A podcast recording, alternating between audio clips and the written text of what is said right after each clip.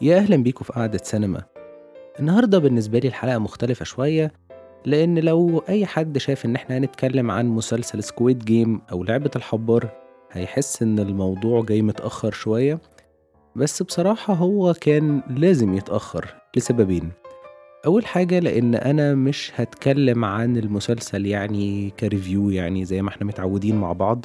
فال material اللي بنيت عليها الحلقة كان لازم الحلقة تتأخر بسببها شوية لأن في شوية انترفيوز ومقالات وكده كنت محتاج أقراهم عشان أعرف أكتر عن قصة صناعة المسلسل وتأثيره. فنقدر نعتبرها حلقة كده كأنها الحقيقة وراء لعبة الحبار مثلا. وتاني سبب وأنتم مش غرب يعني وقلت قبل كده إن أنا بتأخر شوية في الفرجة على المسلسلات. يعني مش من الناس اللي بتخلص كمية كبيرة في نفس اليوم وكنت كمان بالتوازي بتفرج على مسلسل Midnight Mass فيعني إيه ده عطلني شوية. فخلينا نخش في الموضوع على طول ونتكلم عن الحقيقة وراء المسلسل. المسلسل من تأليف وإخراج هوانج دونج هيوك. وهو الأسامي الكوري بتبقى معقدة شوية فاعذروني لو قلت أي اسم غلط. ف هوانج دونج هيوك بصراحة هو البطل الحقيقي في رأيي للمسلسل لأن هو جايب فكرة غريبة جدا إنك تعمل مسلسل بيدور عن مجموعة من الأشخاص اللي بيعانوا ماديا فبينضموا لمسابقة بتتكون من ست ألعاب مستوحاة من ألعاب الأطفال اللي بيكسب بيكمل واللي بيخسر بيموت أو يتقتل. ومع كل مرحلة الجائزة المالية بتزيد دي فكرة بره الصندوق جدا يعني. حاجة كده مش غريبة عن على الكوريين لأن ده شفناه في. في فيلم sorry Parasite اللي كسر الدنيا في الأوسكار فيعني ده كان برضو واضح في فكرة العيلة اللي كانت قاعدة في البدروم يعني أفكارهم بصراحة في الحاجات ال thriller بره الصندوق جدا ويمكن ده واحد من أهم أسباب النجاح فكرة المسلسل كانت شغلاني جدا يعني إزاي جات له الفكرة دي أصلا. ففي ال interviews بتاعته بيتكلم إن الفكرة معاه من سنة 2009 وهو يمكن في كلام طلع كتير على ال social media إن هو فشل في تسويقه لمدة عشر سنين وده حقيقي فعلا.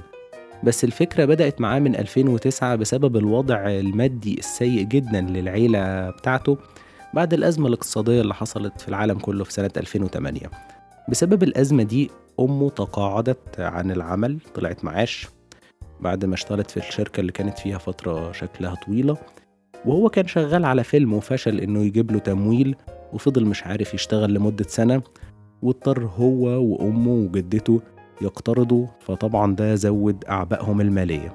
في الفترة الصعبة دي كان هوانج بيعتبر التسلية بتاعته هي إنه يقرأ comic books وتحديدا اللي بتتكلم عن قصص فيها survival games زي القصة بتاعت مسلسلنا يعني اللي بيكسب بيكمل واللي بيخسر بيموت فكان قادر يفهم شعور الأبطال دول وقد إيه نفسهم في النجاح والفلوس يعني ناس بتغامر بحياتها وهنا السؤال اللي سأله لنفسه في أصعب أوقات حياته لو في لعبة زي دي ممكن تلعبها؟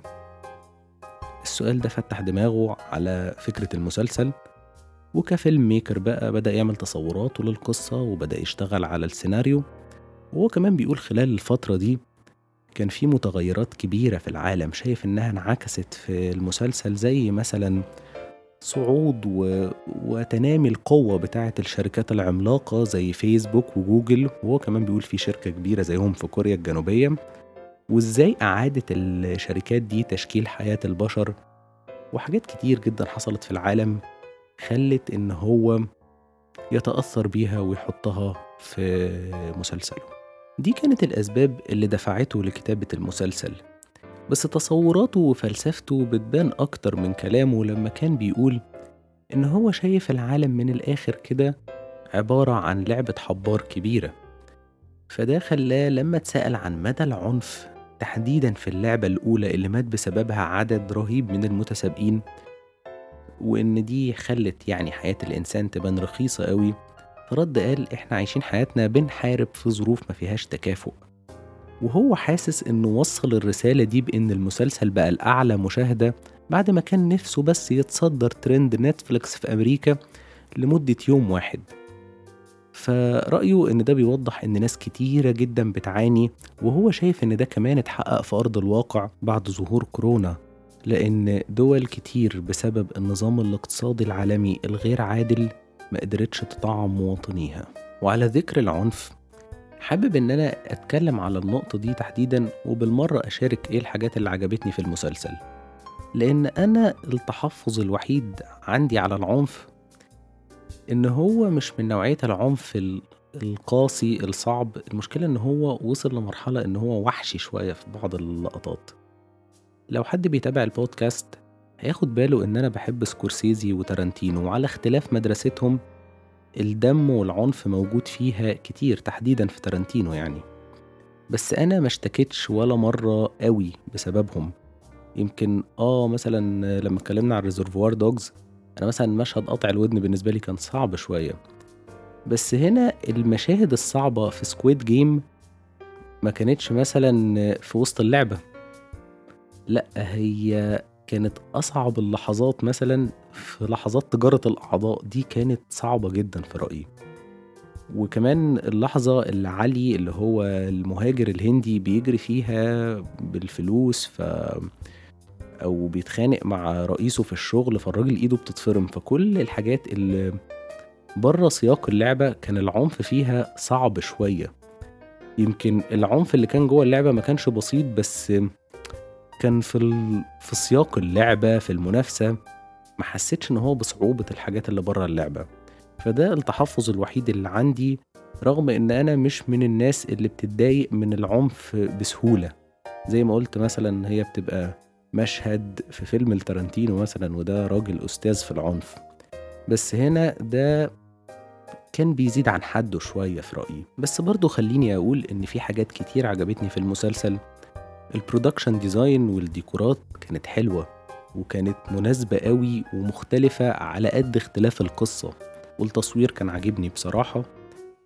وتصميم الشخصيات حلو في نقطة اختلافها يعني المنافس اللي هو مع بطلنا اللي خريج الجامعة آه، شخصية ذكية وبتستخدم عقلها جدا. والبنت المهاجرة من كوريا الشمالية وعلي المهاجر الطيب اللي هو يعتبر كأنه رمز الطيبة في المسلسل. فالاختلاف ده حسسني إن هو أضاف للمسلسل وقدر يسهل وصول الفكرة يعني. وكمان على فكرة برضو شخصية رئيس العصابة العنيف اللي هو بيستخدمش غير العنف أكتر من التفكير في أي حاجة تانية. ده برضو حاجة أضافت للمسلسل لأن هم أنماط مختلفة من البشر فده قدر يوصل الانتقاد والفكرة اللي المؤلف والمخرج عايز يوصلها سواء اختلفت معاها أو اتفقت معاها. ودي حاجة تحسب له إن هو ما كانش مسلسل يعني رمزياته صعبة ومحتاجة حد يفكها لأ الاختلاف والتنوع والفكرة قدرت توصل لناس كتيرة جدا سواء بقى اختلفوا معاها أو اتفقوا معاها. فدي نقطة تحسب له طبعا. نيجي بقى لآخر نقطة وهي تأثير المسلسل وهي حاجة تستحق إن إحنا نتكلم عليها. نبدأ بتأثيره على نتفليكس لأن عدد ساعات المشاهدة تخطت 2.1 من عشرة مليار ساعة. ودول بيوازوا قرب كده ال 240 ألف سنة. فده رقم خرافي جدا. وفي خلال أول 28 يوم بس من صدور المسلسل كان في منهم 1.65 مليار ساعة اتشافوا. فطبعا دي أرقام خرافية. والحسابات بتقول إن المسلسل تسبب في عائد مادي يقدر ب 900 مليون دولار لنتفليكس. وده خلاه بالأرقام أهم عمل في تاريخ نتفليكس من ناحية المشاهدات ومن ناحية العائد المادي. عائد مادي خرافي. فأعتقد ده هيشجع الاستثمار في المحتوى الغير أمريكي والغير ناطق بالإنجليزية خاصة إن نتفليكس في شهر فبراير اللي فات طبعا قبل صدور المسلسل فبراير 2021 قالوا إن هم هيصرفوا 500 مليون دولار على المحتوى الكوري ودي البشاير بدأت تبان فأعتقد إن هم هيستثمروا في المحتوى الكوري بشكل خاص والغير ناطق بالإنجليزية. هم كانوا يعني بادئين بقالهم فترة بس أعتقد ده هيزيد. بس طبعا الناس بدأت تتجه جدا للحاجات الكوري لأن زي ما قلنا نجاح Parasite وكمان Squid Game ده يعني أعتقد على ال long run هيخلق علاقة قوية جدا مع المحتوى الكوري مع الناس كلها بقى في العالم يعني. وكمان التأثير ما كانش على نتفليكس بس كمان وصل للمخرج والمؤلف وانج لأن هو خلاص حسم قصة وجود جزء تاني بس ما حددش ميعاد لصدوره وقال إن بسبب الطلب والضغط الشديد عليه من الناس كلها وإن الناس حابة وجود جزء تاني وحابة المسلسل بشكل عام ده بيخليه معندوش اختيار غير إنه يعمل جزء تاني بس الحاجة الوحيدة اللي قالها من تفاصيله إن البطل هيرجع علشان يعمل حاجة للعالم. فده مخليني منتظر بس ما عنديش توقعات كبيرة لأن مش عارف بصراحة الموضوع هيبقى على مستوى الجزء الأول ولا لأ. خاصة إن الموضوع كان مثير جدا والإيقاع بتاعه كان حلو جدا. فهنشوف بس يعني أعتقد التغير هيبقى كبير بالمنظر ده. فلحد هنا خلص كلامي عن واحد من أكتر الأعمال اللي نجحت في الفترة الأخيرة. فيا رب تكون الحلقة عجبتكم ويا ريت اللي مش عامل سبسكرايب يعمل عشان توصل لكم الحلقات الجاية باستمرار.